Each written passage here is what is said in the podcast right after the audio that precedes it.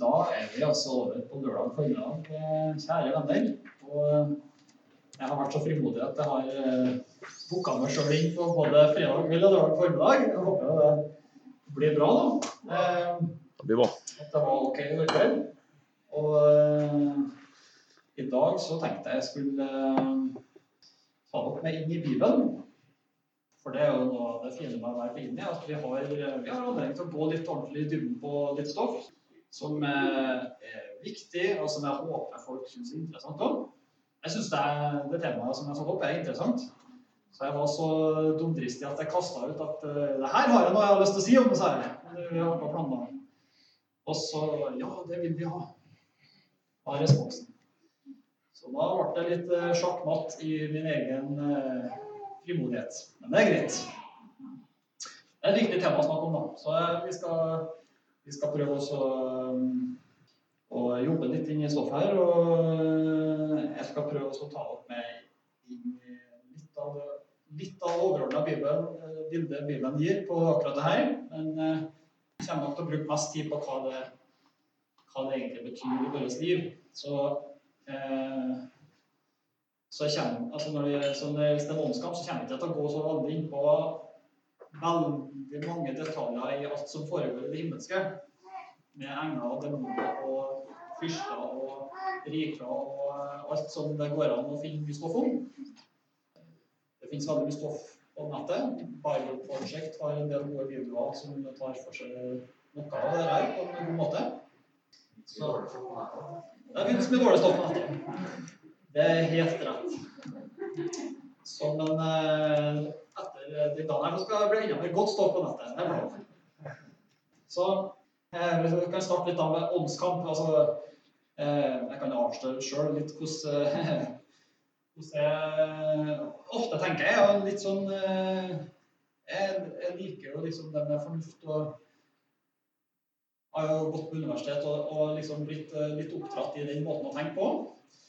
Eh, Så hele området med åndskamp er jo litt sånn eh, ting som man må jobbe litt med sinnet sitt for å klare å, å gripe hva eh, Hvordan klare å forene det begrepet og mye av det som vi kanskje møter i kristne miljøer, med, med en litt sånn rasjonell tankegang. Det er det vi er i Norge. Skal du stille med rasjonell fornuft. Alt har fornuft, eh, naturlige forklaringer. sant? Det er det vi leter etter. Og hvis man da plutselig er på et møte hvor, hvor det er tungetale og profeti og lovsang og fullt trøkk, så kan du eh, av og til lure på hvordan henger det her sammen. Eh, og eh, jeg jeg kan nok si for min egen del at jeg blir litt sånn litt taus, litt tilbakeholden, for at jeg vet klarer liksom ikke helt å henge i hodet mitt på hva det er som foregår. Eh, Så jeg vet ikke om det er flere som kjenner seg igjen i det, men eh, eller at uttrykksformen er litt annerledes enn den, eh, enn den sjøl forestiller. Så litt av min ambisjon er, er å prøve å, at vi å gå inn i på en sånn måte at det her er noe som gjelder oss alle. Det her er noe som vi med full frimodighet kan gå inn i, enten vi er fornuftig eller ufornuftig, eller har eh, kvaler det eller ikke har noen hemninger med det. Jeg tror det her er noe som er viktig for oss alle, for hele Kristi kropp, å virkelig kunne gripe. Det med å stå i en eh, åndelig kamp, eh, og kunne gjøre det med full frimodighet. Det er min ambisjon.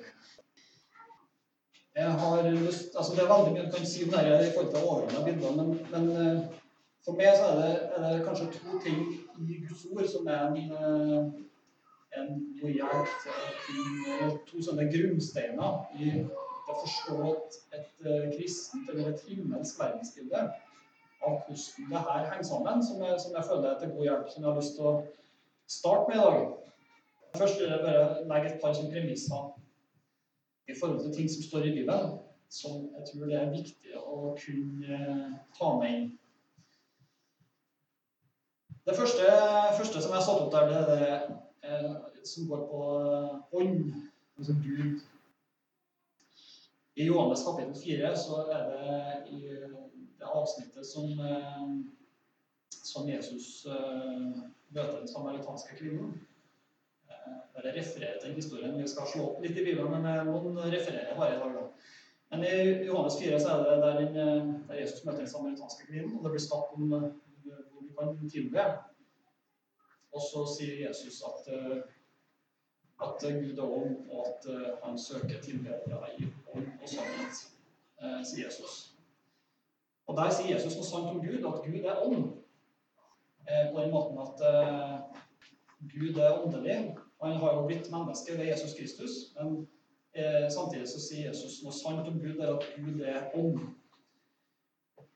Og så er det et annet om oss som mennesker som det er også viktig å, å ta utgangspunkt her. Det, med, eh, det, står, i, det står direkte i, i første Tessaloniker 5. Det er jo eh, sagt andre plasser, men, eh, men det med at vi er mennesker. Vi er ånd, vi er sjel, vi er kropp eh, som sier noe om hvordan vi er som mennesker, og sier noe sant om det. Og allerede der så, så frontkolliderer det litt med det som vi lærer ellers rundt oss. Eh, hvor vi i en sånn sterk naturalistisk kultur bare at vi er, vi er bare materie. Vi er kjemi, vi er biologi, vi er kjemiske reaksjoner. Er, alt kan forklares med det som foregår materielt. Eh, mye av det vi lærer rundt oss, som da kommer i konflikt med det som vi leser i Bibelen, som sier at vi er ja, vi er det, men vi er også mer enn det. Vi er ånd. Vi har, eh, vi har en sjel. Vi er noe mer enn bare dyr. Men vi har På samme måte som Gud og ånd, så kan vi også si at vi har, vi har litt av det ved oss. Vi er skapt i Guds bilde. Og vi, vi og det har, det har, egentlig store ringvirkninger i forhold til hvordan vi kan eh, hva vi kan vite noe om. Da. Det blir litt sånn eh, halvfilosofisk, men jeg skal prøve å være ganske konkret på det. at eh, En av de store tingene innenfor vitenskapen er hvordan kan vi finne ut ting. Hvor eh, veldig mange vil si at det eneste vi kan finne ut av, det er, det bruke fornuften vår. Sant? Og det er vi har vitenskapen handler om. Men eh, vi som kristne, vi vi er ånd. Vi, vi er klar over at det finnes flere strenger Gud spiller på i forhold til hva vi kan vite noe om. Og det der at vi er ånd, det konsekvensen av det er at vi kan, vi kan lære Gud å kjenne gjennom, gjennom åpenbaring. Som er, en, eh, som er den grunnleggende måten Gud gjør seg til kjenne for oss på. Som ikke er fornuft, men som kommer i tillegg til fornuften som gjør at vi som eh, tror, vi, har, vi tror på fornuften, og så tror vi på åpenbaringa. Og at den eh, frekvensen Gud snakket om, som avklarer veldig mange ting i forhold til at vi kan stole på det som Bibelen sier. Fordi at det er åpenbart oss, at det er, det er ikke dårligere enn det virker fint på fornuften, men det er noe annet. Og som gjør at alt det Gud sier gjennom Guds ord, som er åpenbart, det kan vi si ja og amen til, og si at det her vil vi bygge livet vårt på.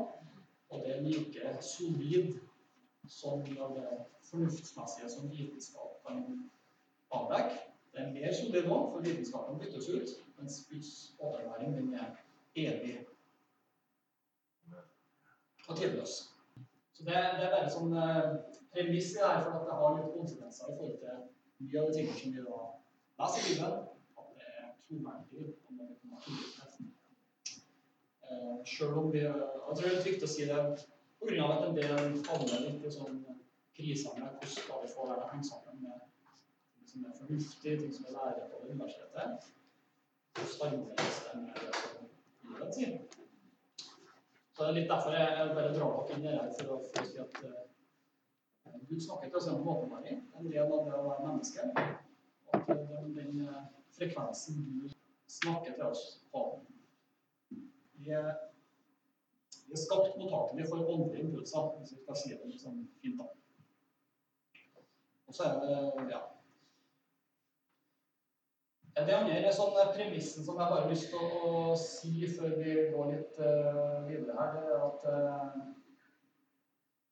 at Bibelen uh, har en sånn Bibelen har jo flere sånne, sånn tema som gjennomgående hele den Når vi snakker f.eks. om at vi har en plan for verden, så er det alt sånn som vi ofte forsyner, så er det, så det er noe som vi snakker om som vi finner igjen både i starten og slutten av Bibelen, og som er en gjennomgående rød tråd i Bibelen. Og en av de røde trådene som, eh, som eh, vi ser i Bibelen, det er at Bibelen er historien om, eh, om himmelen og jorda. Og vi kan, ta, vi kan ta to av de versene som jeg nevner her. For det aller første verset i Bibelen det er jo at i begynnelsen så skapte Gud himmelen og jorda. Allerede der så er det litt sånn Det er litt vanskelig å være norsk. Fordi at eh, himmelen har, uh, har, egentlig to betydninger på norsk språk. Det er litt enklere å skjønne når du leser engelske bibler. Fordi at eh, engelske bibler skiller mellom sky og heaven. Mens i norsk Vi kan slå opp der, sånn at, for det er litt viktig at dere ser forskjellen på det. Men i vers 1 så står det i begynnelsen så skapte Gud himmelen og jorden. Og så Hvis vi går videre ned til vers 6, eh, litt lenger ut eh, i skapelsen, her, da, så står det at eh, Gud sa det, det skal bli en hvelving midt i vannet, Det skal skille vann fra vann. Gud laget hvelvingen og skilte vannet som er under hvelvingen, og vannet som er over hvelvingen. Og det ble slik. Og Gud kalte hvelvingen himmel. Men det er jo ikke det samme Gud skaper. Sant? Og det der det er litt av forvirringa som det med at når, når du skal male som bokprogram eller som kunstnerisk uttrykk for Bibelen, så er det liksom Gud om det oppe en sky. Ikke sant? Men egentlig så er det snakk om to forskjellige ting. Det ene er at himmelen er jo en fysisk ting. Himmelsvær Altså det som er over oss, ikke sant? Rett fysisk. Der flyene flyr og videre utover i stjernesystemet, som vi kaller himmelen. Men så er det òg en åndelig sfære det er den det er snakk om i første verset. Når Gud skapte himmelen og jorda, så skapte Gud eh, den himmelske sfæren. Han skapte det fysiske. Ja, når du ser resten av skapelsen, så skjønner du at, eh, at han skapte sola, månen og himmelverden og alt det fysiske senere. Men noe av det første han skaper, det er den himmelske sfæren.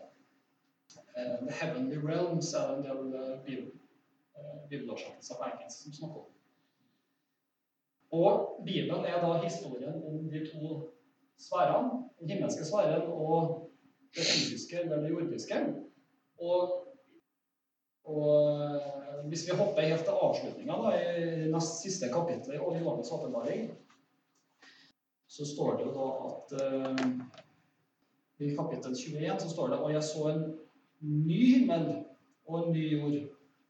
For den første himmel og den første jord var borte, og havet fantes ikke mer. Så når Bibelens historie er at Gud har skapt himmelen og jorda, og så driver Gud og nyskaper den. Og det er noe av det som er det sentrale med det som Jesus eh, kom for å gjøre. Eh, men at eh, Gud skapte noen ting som man nå som der hvor synd og opprør kom inn i verden. Og der hvor Gud gjennom bibelhistorien, og ikke minst gjennom det som Jesus gjorde, tar et oppgjør med synd og, og fornyer og nyskaper himmelen og jorda, slik at både den himmelske sfæren er under Guds dom, og at jorda er under Guds dom. Der er det viktig å på en måte ha litt sånn bakteppe når vi snakker om at det er, det er innenfor det rammeverket at, eh, at, Gud jobber. Um, og det er kanskje, Jeg håper flere henger litt, for det er litt sånn overraskende her, men um, det, kan, det, er sannsynligvis litt enklere å skjønne at Gud driver og, og dømmer ting som foregår at Gud livet med ondskap og ting som skjer, og tenker at ja, det er noe som Gud vil ta opp. Men det er samtidig også sånn at den himmelske sfæren er under Guds dom. Eh, for det, noe av eh, bibelhistorien er at det har skjedd et, eh, et opprør. At djevelen og alle som følger han, er i konflikt med Gud. Sånn at du i Bibelen så vil du også finne en del vers på at himmelen er under den samme dommen som Gud arbeider ut i, i kosmos. Jeg kan bare nevne noe sånn bibelvers bare for å for eksempelet så er det. Mattias 24 så står det at himmelens krefter skal rokkes. I åpenbaringa kapittel 20 så står det at jord og himmel flyktet bort fra hans ansikt. Og 2. Peter 3 så står det at himmelen skal forgå med et rungende drøm. Så Poenget jeg vil bare ha fram, da, det at, det at Gud Det er ikke bare jorda. Det er ikke sånn at alt i himmelske er perfekt, og at, vi bare, at Gud bare jobber med at, at uh, det er jorda som står igjen, liksom. Men at det er òg en dom i det himmelske. Og det er han som har stått Gud imot, som er under effektuering, og som gjør at dommen rammer både jordiske og det himmelske. Sånn teologi her nå. Sant? Men det er, litt, det er litt greit å ha det med som et bakteppe her. Og bare for å slå fast For at noen av de der bildene som vi ofte får med at uh, himmelen er et sted langt unna der du spiller harpe, og der du, uh, det er gata av gull og alle de fine bildene i Bibelen, poetiske bildene i Bibelen, så, så er det av og til litt, uh, litt vanskelig for oss moderne vestlige å skjønne uh, hva er det greia her. Er det sånn at Gud er langt unna? Det er lett å tenke det når, når, hvis man ser litt for mye på kunst og litt for lite på Bibelen, for å si det sånn. da. og der er det sånn at i i Hebreerbrevet 12 så står det bl.a. et begrep om at, at, vi har en sky av vitner omkring oss. Eh, det står i forlengelsen av at man snakker om eh, alle de trosheltene som har gått hjem til Herren. ikke sant, I kapittel 11 i, i Hebreerbrevet. Og så kommer vi til første vers i kapittel 12, da vi nå har en sånn sky av vitner omkring oss. Eh, som er en av flere indikasjoner på at det å tenke at himmelen og jord er veldig sånn atskilt og har lang avstand mellom seg, det, det, er ikke en tanke som egentlig finner i Bibelen. Eh, den bibelske tanken at den himmelske sfæren egentlig omgir oss hele tida. Du ser litt med hvordan engler viser seg gjennom Bibelen. sant? At når, eh, Blant annet når, eh, når det banker på døra Peter har rømt, eller blitt eh, flykta fra fengselet gjennom at en engel slapp ham løs så tror jeg at det er englene som banker på. ikke sant? Som viser at den, den, bibelske tanken er at himmel og jord egentlig er veldig innvevd i hverandre. Vi lever hele tida med åndeligheten og det himmelske rundt oss hele tida. Det er en sky av vitner som, som omgir oss. Det er engler. Det er eh, Vi har dette tett innpå oss hele tida. Eh, som er litt nyttig å ha, ha i bakhodet for når vi skal gå videre på tingene det er et sånt poeng jeg prøver å bruke. Eh, men det er sånn viktig å, å ha med. Eh, ja, Jeg håper å komme litt på det. Er litt sånn innledning. Eh, så I den store historien om at, at Gud skapte himmelen og jorda Gud vil fornye den. At det er en ny himmel og en ny jord som vokser fram ut av det gamle. Hva er det Gud gjør nå? Er jo da eh, spørsmålet jeg prøver å delta videre på. Og da jeg syns egentlig at det verset i Matteus kapittel 6, som er en del av Fader vår, er egentlig veldig eh, oppsummerende for hva er det Gud gjør. Da er det er det verset som eh, gamle bildene 'la din vilje skje'. Nå heter det 'la viljen din skje'. La viljen din skje på jorden slik som i himmelen. Slik som hos Gud. Det er egentlig eh, det store som, altså som Jesus eh, kommer med, som handler om at Guds rike skal komme. Et rike som eh, som både favner det himmelske og det jordiske. Og at vi er en del av den bønna, vi er en del av det folket som skal være med å bringe himmelen ned på jorda. Bringe det som er hos eh, Gud, bringe himmelriket, altså, da, som Matteus evangeliet bruker for å omtale her. Ok.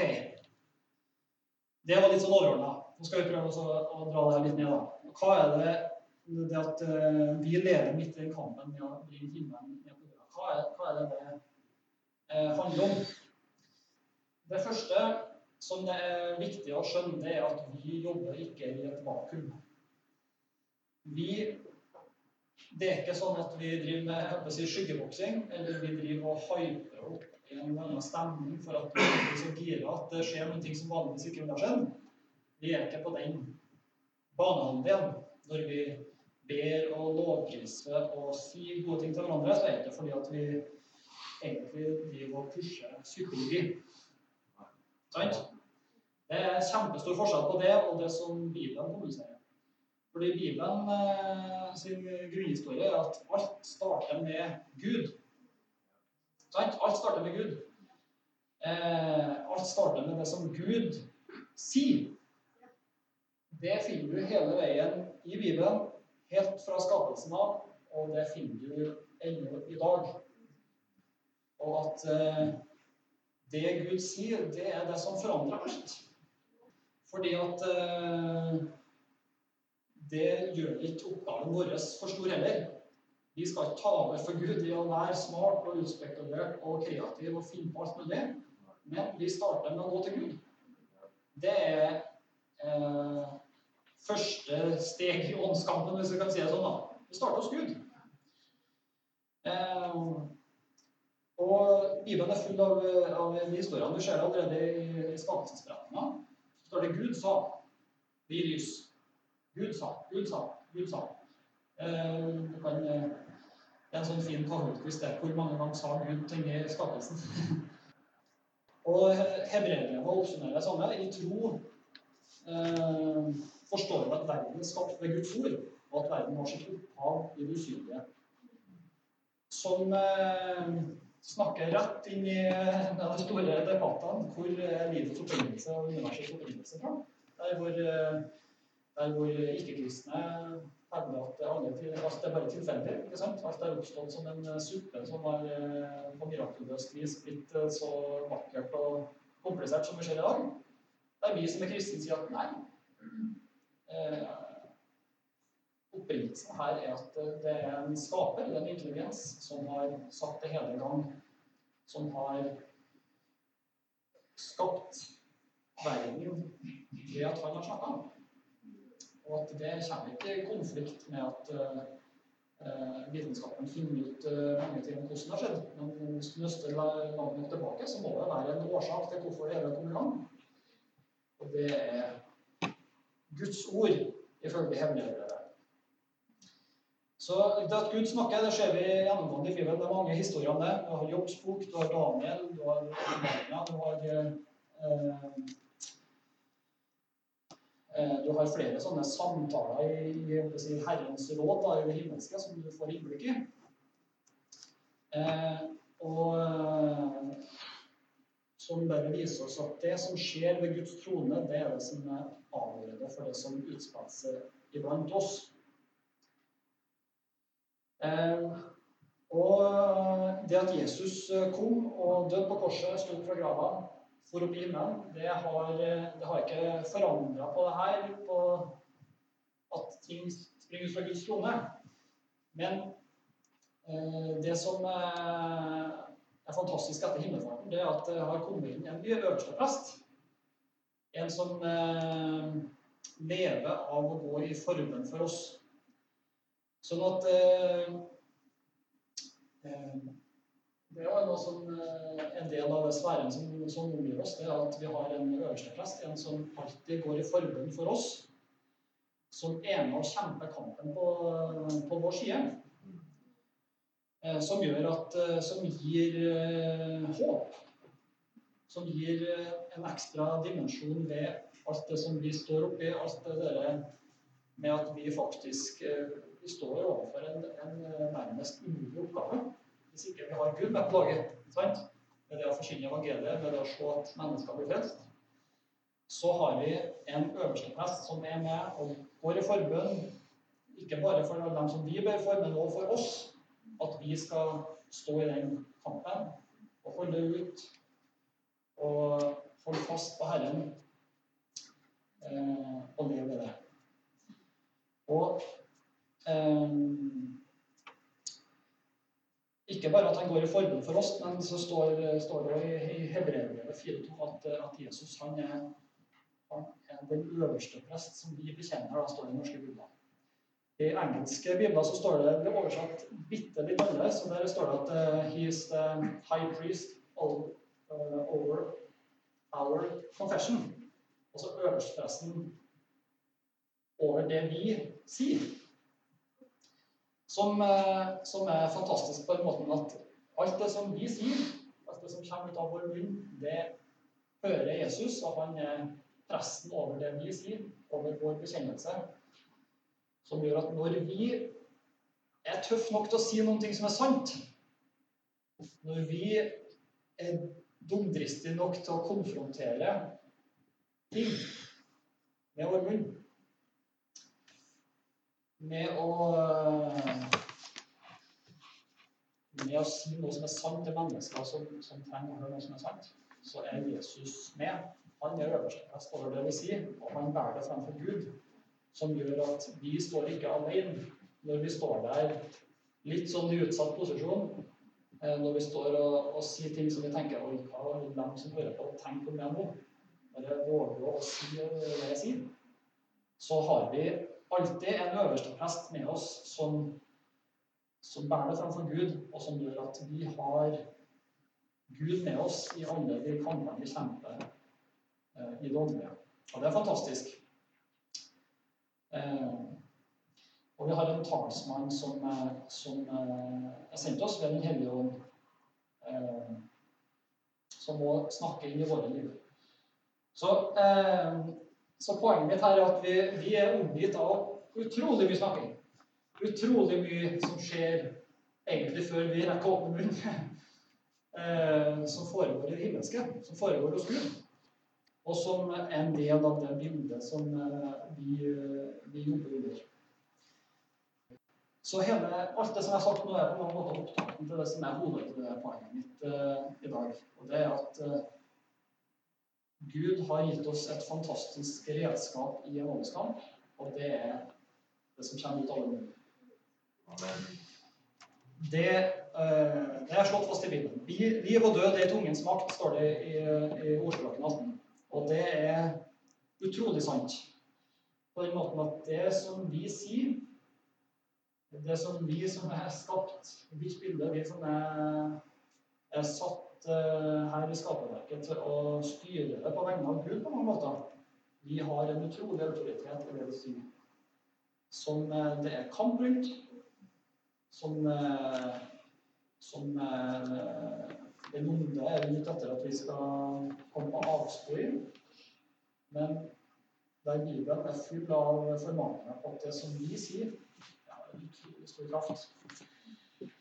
Det høres i det usynlige, det høres for Gud.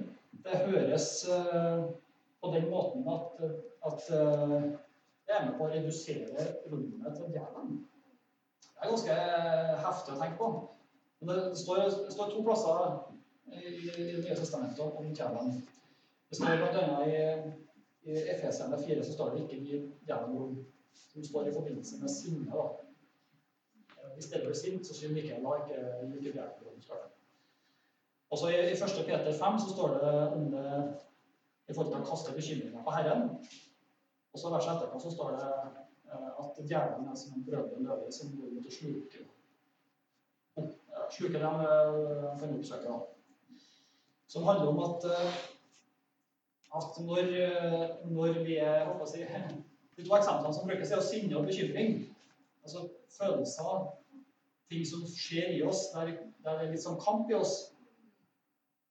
Og så eh, er det lett å tenke at det er en del av det å være menneske og ha masse følelser. Og så, og så tegner Bibelen et bilde at det er når det kampen der foregår, at, at hjernen driver og leter etter rom for at det kan bli død som kommer ut av stedet. Sant? At vi føler seg med å skape død. Enten ved at sinnet vårt skaper død hos oss sjøl og hos andre, eller at bekymringene våre er med å skape vantro i stedet for at eh, vi tar bekymringene kaster dem på Gud, og så sier vi at vi stoler på det allikevel, Gud. Selv om bekymringene eh, plager oss. Som bare illustrerer to eksempler på, på at uh, det vi sier, det har en vanvittig ringvirkning. Ikke minst uh, hos oss sjøl.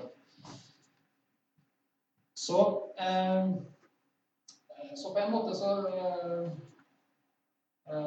nå har jeg lista opp en god del ting her, da, som, som, er ulike måter som vi bruker munnen på. Det går på bønn, profeti, lovsang, Eh, hvor du vil finne begge de dimensjonene. At det både har betydning overfor Gud, men at òg eh, vi og andre påvirkes av det. Eh, når, når, man ber en bønn, så blir det oppfylt sjøl, samtidig som at det er med å, er med å utløse noe i mennesket. Eh, og det samme når du sier ting til andre. Eh, Poenget, poenget, som jeg vil prøve å, å, å få, fram her, da, det er at uh, det at liv er i vår tunga sin makt, det er et utrolig redskap for oss. Det, det, er ikke, det her er ikke uh, avgrensa til at når vi har et møte, det er da vi skrur på den knappen at vi skal begynne å si liv. Det har det med oss hele tida. Eh, det er egentlig to sider av samme sak. Om du er i bønnekammeret, om du er på bønnemøte, eller om du er i en samtale med folk, så har du alltid mulighet til å tale liv. Du har alltid mulighet til å kjempe åndskampen med der du er. Du har alltid anledning til det. Om du er alene, så kan du be til Gud. Så er du i kampen da òg. Og er på, på offensiven. Eh, og det er når du skjønner at det er her som er med å påvirke det er her som er med å, å bevege verden i den veien du ønsker, da har du alle anledninger. Er det en samtale med noen, så kan du si noe godt. Du kan si noe sant. Og om du bare tenker at her trengs det en konfrontasjon, så kan du gjøre det òg. Eh, for det er ikke bare å være positiv. Det er ikke det snakk om. Sant? At du skal alltid være snill. Noen ganger så må du være litt tydelig. Eh, Stopp døden, ja. Det er akkurat det det handler om. En av mine beste vennskap starta med at jeg konfronterte en og sa at det du sa, gjorde meg trist. og det ble opptakten til et kjempegodt vennskap, for jeg var ærlig. Sant? Og han eh, tenkte at ja, det var egentlig litt sant at du sa det, for jeg, jeg var egentlig litt enig. Men jeg hadde jo bare ratta med, ikke sant? Og det, det her, eh, det her som er litt kjernen i åndskampen, folkens. Det er ikke at vi, ikke at vi skal liksom uh, bli spilt litt ut på sidelinja for at det foregår eller du ser ja, den og den gjør det på den måten, og sånn vil ikke gjøre det. sant? Men alle vi har et kall, alle vi kan bruke munnen vår. Og vi kan bruke den dialekta vi har, vi kan bruke den, uh, uh, den framtoninga vi har. Men allikevel så kan vi være djerv. Vi kan være frimodige. Og, og Norge forandres av folk som våger å være litt tøffe på tingene.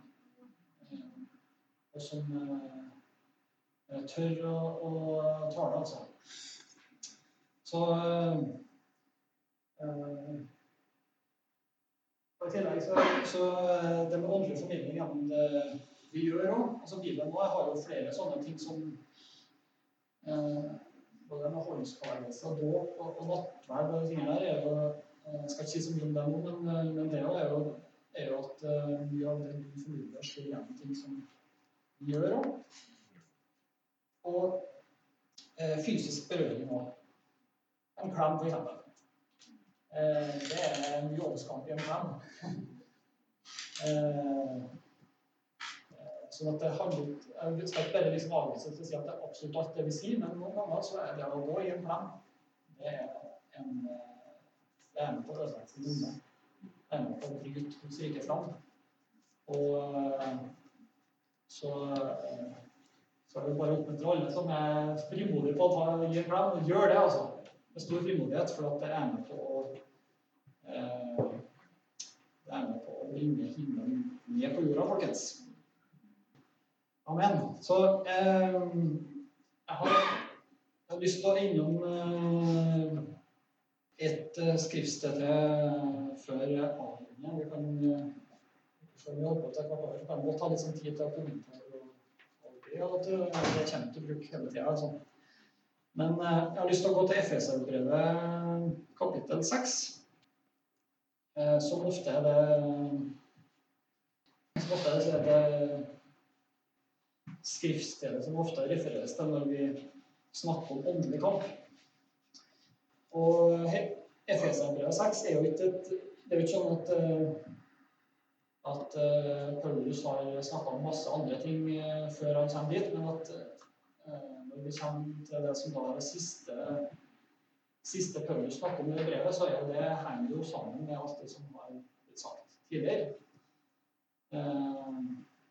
både med alt det som Gud har gjort i Kristus, som er de første kapitlene, og når vi da bikker over i kapittel fire og utover Eh, når vi begynner å snakke det gamle, nye mennesket, så, så kommer Paulus inn på eh, både måten vi snakker på, jeg nevner det flere ganger i kapittel fire der, og den måten vi behandler hverandre på både i ekteskap og familie og arbeidsliv, som, som eh, på mange måter er, noe av bakteppet når Paulus til slutt i kapittel 6 begynner å snakke om åndskamp, så er jo alt det der et bakteppe for det.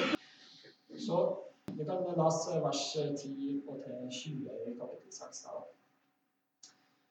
Til slutt bli sterke i Herren, i Hans veldige kraft. Ta på Guds fulle rustning, så dere kan stå dere mot djevelens listige grep. For vår kamp er ikke mot kjøtt og blod, men mot makter og åndskrefter, mot verdens herskere i dette mørket, mot ondskapens ånde her i himmelrommet. Ta derfor på Guds eh, fulle rustning, så dere kan gjøre motstand mot den onde dag og bli stående etter å ha overvunnet alt. Stå da fast! Spenn sannhetens belte om livet og kle dere i rettferdighetens brynje. Stå klar med fredens evangelium som sko på føttene, og hold alltid troens skjold høyt. Med det kan dere slukke alle den ondes brennende piler. Ta imot frelsens jern og åndens sverd, som er Guds ord. Gjør dette i bønn og legg alt fram for Gud. Be alltid i ånden, våk og hold ut i bønn for alle vi hellige, også for meg. Be om at de rette ordene må bli gitt meg når jeg skal tale, så jeg frimodig kan gjøre evangeliets mysterium kjent, det som jeg er sendt ut for også mens jeg er lenge. Be om at jeg ved evangeliet skal få frimodighet til å tale slik jeg skal. Utrolig eh, flotte vers, og det, er utrolig mange ting det går an å trekke ut av der. Eh, det var bare ett et poeng som jeg egentlig har få frem litt når jeg, når jeg trekker frem de versene her nå. Eh, og det er at det er egentlig litt det samme poenget som jeg prøvde å få frem nå. Som handler om hva vi, hva vi sier, som, eh, eller hvordan vi bruker munnen vår, som, også er en del av denne kampen.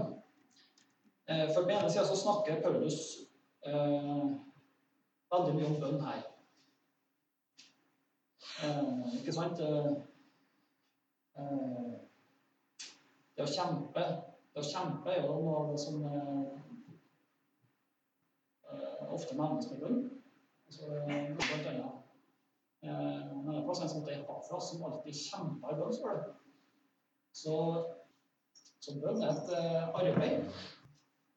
Jeg for min egen del tenker at uh, jeg vil gjerne be når på det beste til hjemme døgnet, om mulig.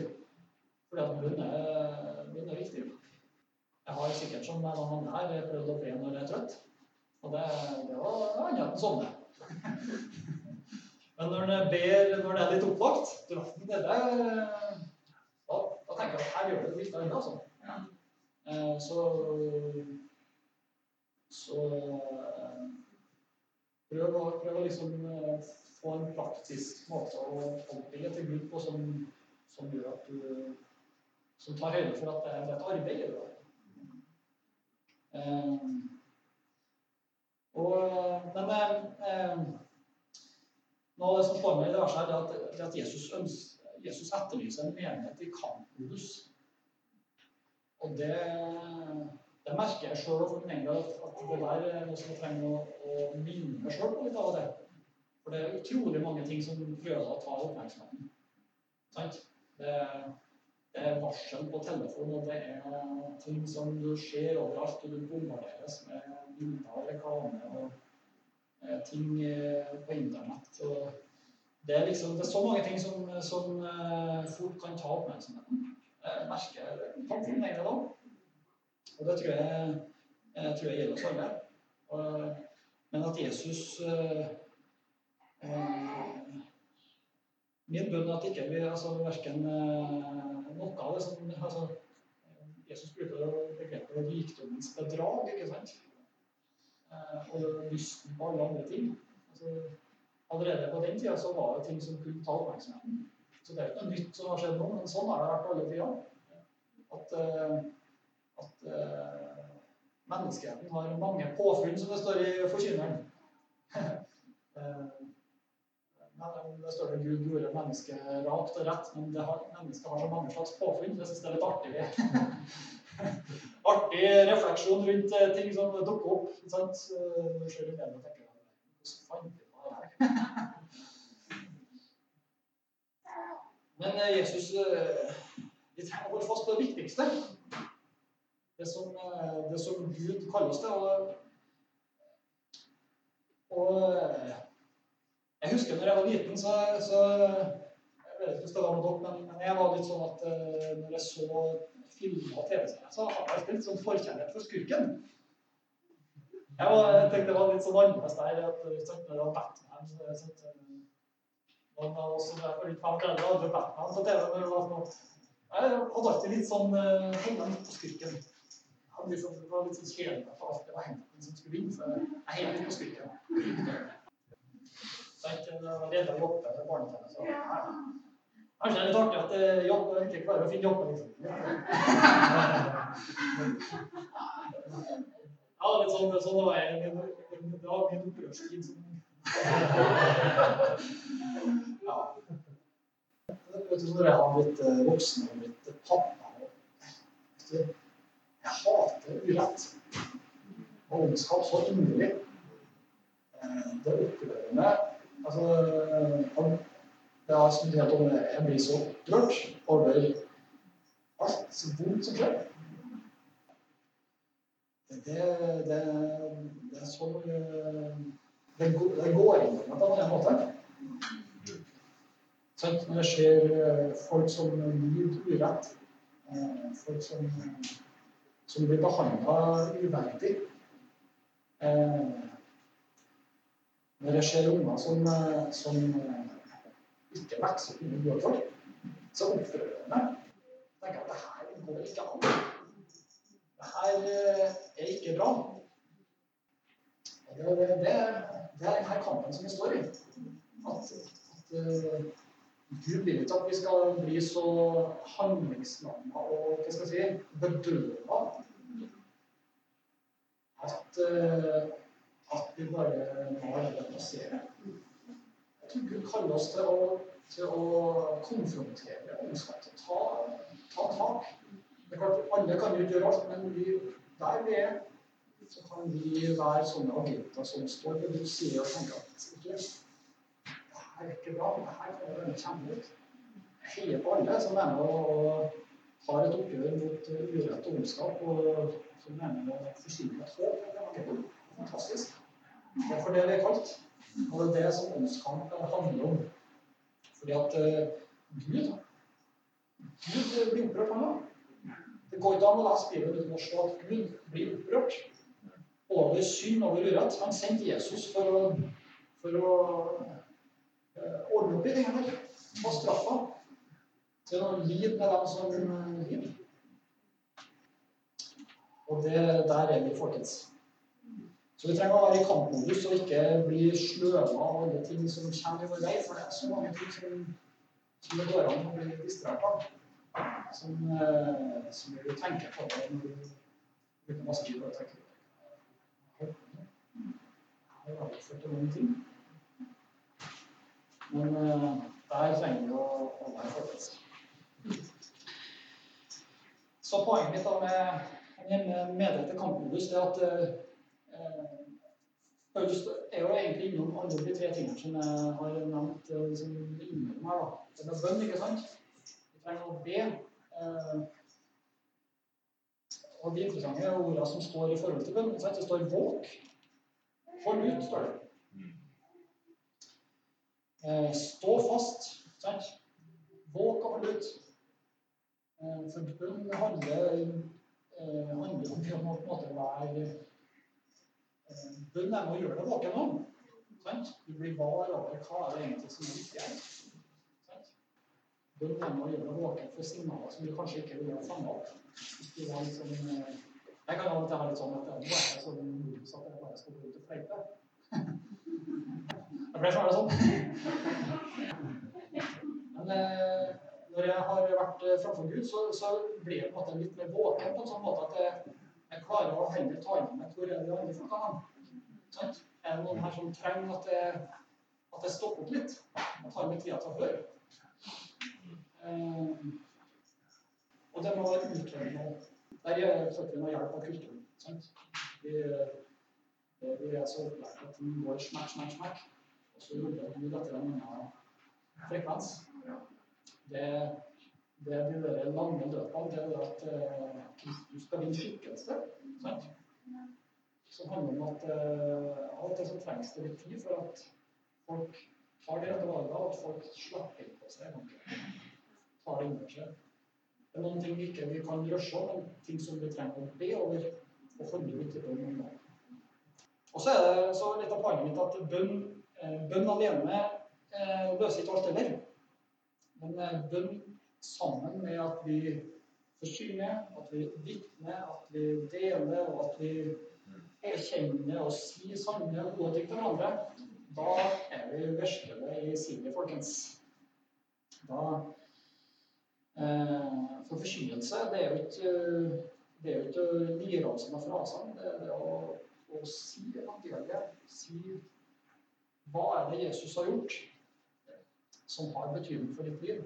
Det kan hende at det er litt ubehagelig å høre, men det er viktig at du får høre det. Sant? Det at eh, evangeliet bare må forandre bakgrunnen, det er med på å underbringe livet ditt. Det har litt betydning for hvordan du lever.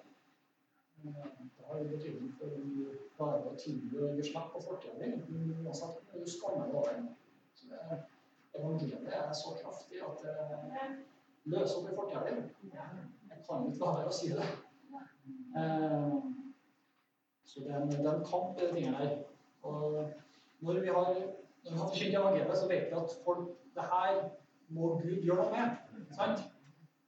Fordi at eh, det er ikke, det er ikke Evangeliet er ikke Det er ikke sånn at uh, det handler om å finne alle de geniale ordene som gjør at folk blir overtalt. Sant? Uh, det er ikke sånn at, uh, at hvis folk ikke tok imot evangeliet, så var det fordi at du var for dårlig å forkynne. Det er fordi at det er en kamp i det. Det må, det må være sånn at folk velger å følge Jesus, tar det valget og innser at ja, jeg gir opp mitt eget. Jeg gjør det. Men det er fordi jeg vil Jesus. Så det, det, er ikke sånn at det handler om å være så briljant i måten, vi ordlegger oss på. For det, det tror jeg ingen av oss er kapable til å overtale folk. og ikke Evangeliet må forkynnes på en sånn måte at folk står på valg. Ja. Amen. Så det hele det å ta på Guds fulle rustninger, som eh, det å kle oss i rustningen med sannhet og fred og rettferdighet og ting der, det tror jeg handler om måten vi, vi oppmuntrer hverandre på, oppbygger hverandre på. At vi, at vi hjelper hverandre til å leve i evangeliet. Leve i sannheten, leve i rettferdigheten. At uh, måten vi snakker sammen på, skal være preg av at det er lyden av evangeliet som høres. At om jeg kommer på jobben da og er litt slukøra, så jeg håper å skjønne at Svein har Håvard et godt ord. Og så gjør han det. Og så er jeg yes, takk Gud. Det, det handler ikke liksom om å klare å ramse opp bibelverset ordrett. Det er snakk om det der, at lyden av evangeliet eh, er mellom oss òg. Sant? Det er å være i med lyst. Amen.